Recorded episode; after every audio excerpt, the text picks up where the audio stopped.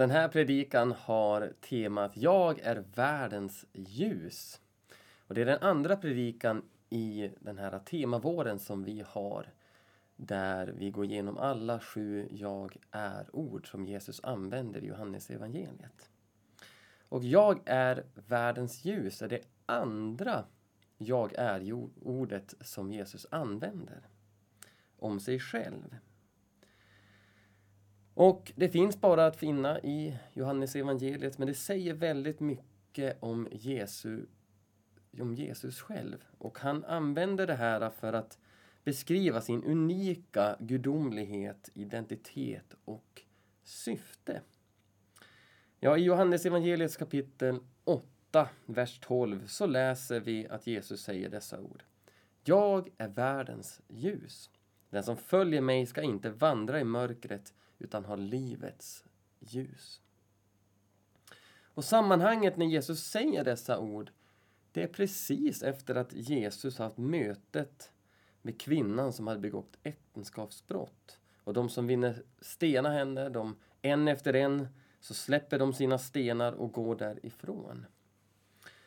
Och efter det här bibelordet som vi just läste så ser vi också att Jesus i nästa kapitel helar en man som har varit blind sedan födseln. Det här kan man läsa om i kapitel 9. Och han ger den här mannen faktiskt ett fysiskt seende. Han fick verkligen se ljuset för första gången.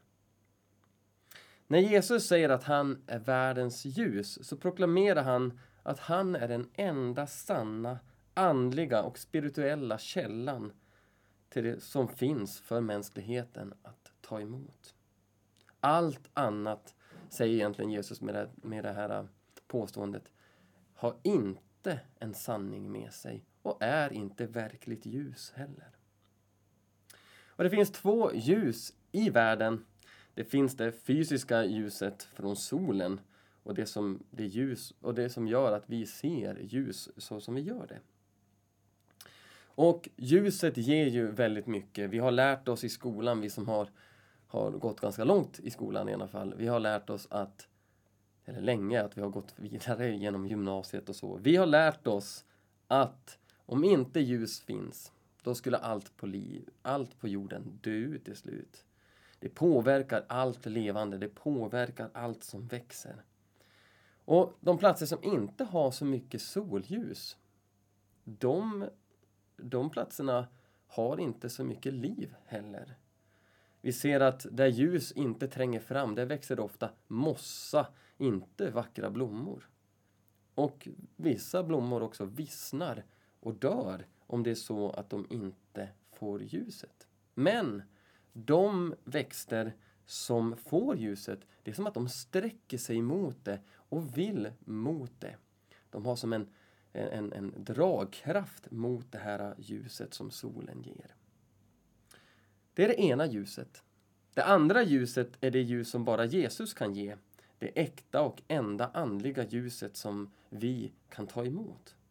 Jesus säger om sig själv att han är det sanna ljuset och den som tror på honom också har det enda sanna ljuset inom sig. Hans ljus är också det som, ljus som lyser upp vårt mörker. Och hans ljus är också det som lyser och blottar vår synd mot hans godhet. Och det här kan vara lite jobbigt för oss när han gör det. I hans ord, när vi möter hans ljus och hans godhet, så kan vi också se saker i vårt eget liv där, oj, det här ah, har ju inte alls jag på samma sätt. Hans världsbild krockar med den världsbild jag har och med de värderingar jag har. Men hans ljus är så mycket starkare och därför kan vi få möta det här.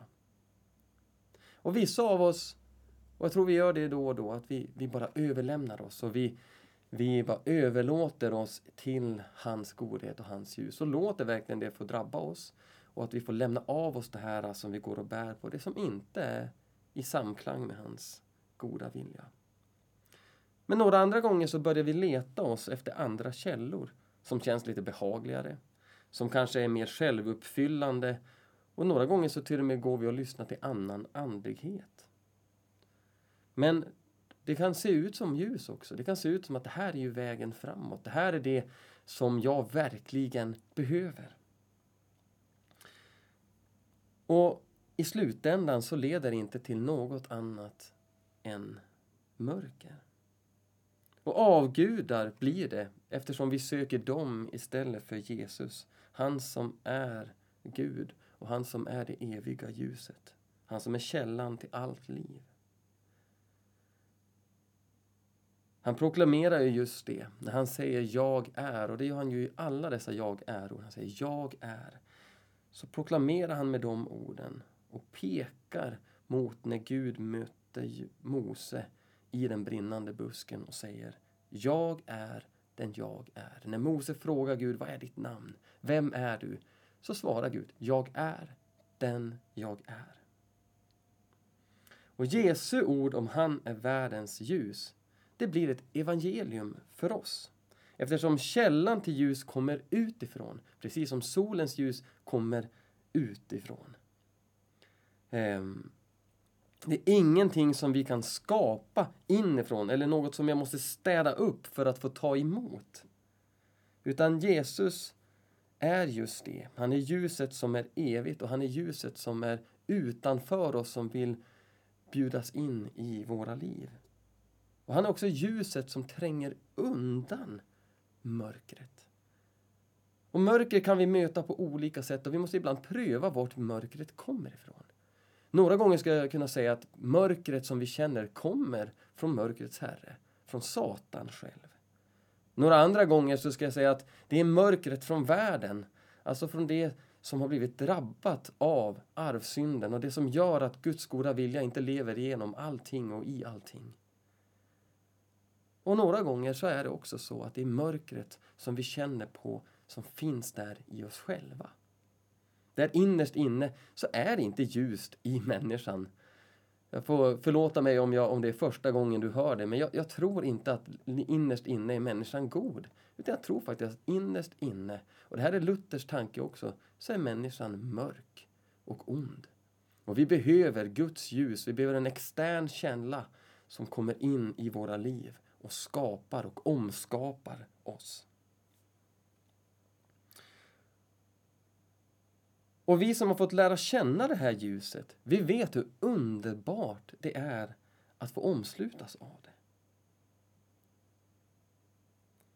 Men trots det så famlar vi i mörkret om och om igen. Vi tappar blicken på han som är ljuset och vi börjar famla där i mörkret och leta oss fram igen.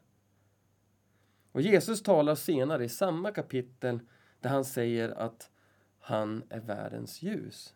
Så säger han att om vi ska förbli i ljuset och vara hans lärjungar, hur kan vi då göra det?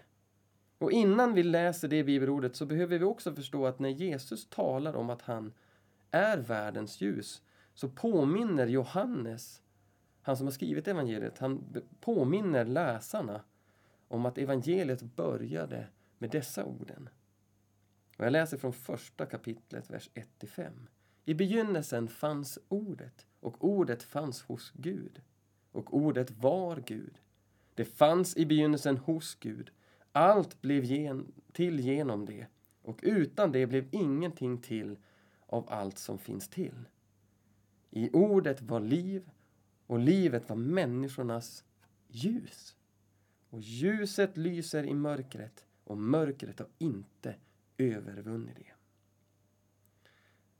Och när då Jesus säger i kapitel 8 lite längre fram efter han har sagt de här orden som jag har påmint er om hela tiden att han är världens ljus och säger han också så här i vers 31. Om ni förblir i mitt ord är ni verkligen mina lärjungar. Och då kommer vi ihåg och vi speglar tillbaka till det jag läste just innan att i ordet var liv och livet var människornas ljus och ljuset lyser i mörkret och mörkret har inte övervunnit det. Och det här ordet, Jesus, han som har funnits med ända sedan begynnelsen, före begynnelsens början. Han är den som säger också att vill ni förbli mina lärjungar så förbli i mitt ord. Lyssna till mina ord. Och redan innan Jesus hade sagt det här så skrev salmisten om det här i Saltaren 119, vers 105. Ditt ord är en lykta för min fot och, en, och ett ljus på min stig. Jesu ord är vår lykta. Hans ord är ljuset. Och det blir så tydligt när vi tänker på det när Gud skapade världen så sa han just de orden. Var det ljus? Och det blev ljus. Och när Jesus helar den blinde mannen så ger han både det fysiska ljuset tillbaka till honom. Men läser vi vidare så ser vi också att han prisar Gud för det och att han har fått smaka det sanna andliga ljuset som bara Jesus kan ge. Och vi ser också att hans källa för ljus, det är inte bara det fysiska helandet utan han upprättar människor på ett helt annat sätt än vad någon annan hade gjort tidigare. Framförallt så ser vi det i mötet med äktenskapsbryterskan som är just innan Jesus börjar undervisningen om att han är världens ljus. Han ser på världen med andra perspektiv än vad du och jag som människor ser på den. Men det slutar inte heller med att Jesus är vårt ljus och det ljus som lyser in i vårt mörker. Han vill att alla människor ska få se hans ljus. Och han ger oss denna liknelse till oss som är hans lärjungar. I Matteus 5, 14-16 så, så säger Jesus Ni är världens ljus. En stad uppe på ett berg kan inte döljas. Och när man tänder en lampa sätter man det inte under sädesmåttet utan på hållaren, så att den lyser för alla i huset. På samma sätt ska ert ljus lysa för människorna så att de ser era goda gärningar och prisar er fader i himlen. Och vi är kallade, vi som tror på Jesus, vi som har fått ta emot hans ljus och hans liv, att vara ljus i världen som han älskar. Till en värld som möter mörker och många gånger väldigt tragiska nyheter. Kanske till och med så är det så att människor vi möter, de ser inget annat än mörker runt omkring oss. Men Jesus sa också om sig själv att så länge han är i världen så är han världens ljus. Och han är fortfarande det genom den helige Ande som bor i var och en av oss som har Jesus som Herre och är döpt till honom. Vi är hans sändebud. Vi är enligt honom själv, som jag just läste, vi är världens ljus eftersom vi bär på honom i våra hjärtan.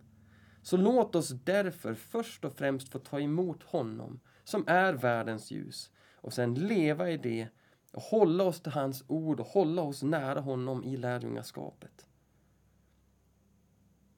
Så att hans ord får bli det här ljuset på vår stig.